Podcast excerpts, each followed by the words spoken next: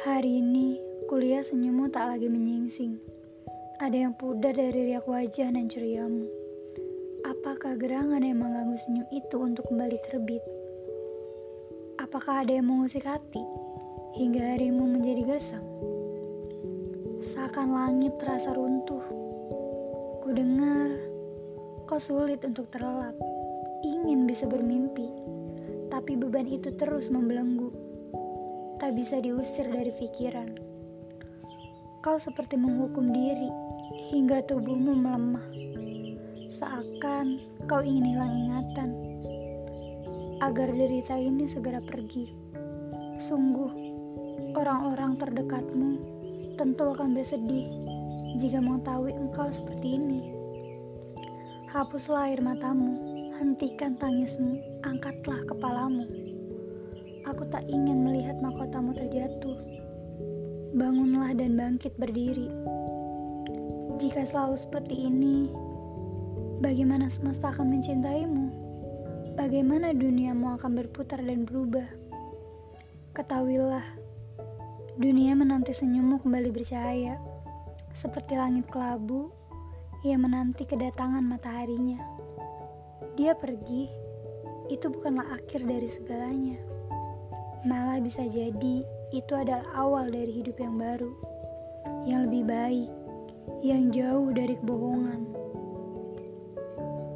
Mungkin ini adalah cara Allah menjauhkanmu dari cinta yang salah dan mendekatkanmu pada cinta yang sesungguhnya, yang takkan menyakiti.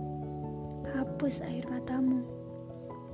Kisah cintamu mungkin tak sesempurna dongeng yang ada di hayalanmu tapi percayalah, akan ada masanya di mana kamu akan menulis kisah cintamu yang sesungguhnya dengan sempurna, yaitu setelah ikatan halal. Itu bukan lagi sebuah dongeng, karena kamu telah menemukan jodoh yang sesungguhnya. Ya Allah, bantulah ia untuk bangkit. Setelah aku sadari, ia terperosok begitu dalam.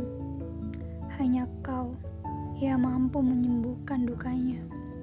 Kepada kalian yang pernah atau tengah merasakan, semoga Allah tiupkan ketenangan ke dalam hati kalian dan memelihara hati itu dengan manisnya iman, hidayah, dan takwa kepada Allah. Air mata pasti lebih identik pada kesedihan daripada kebahagiaan, dan lebih sering terjadi pada wanita daripada pria. Sedih itu boleh, menangis itu wajar.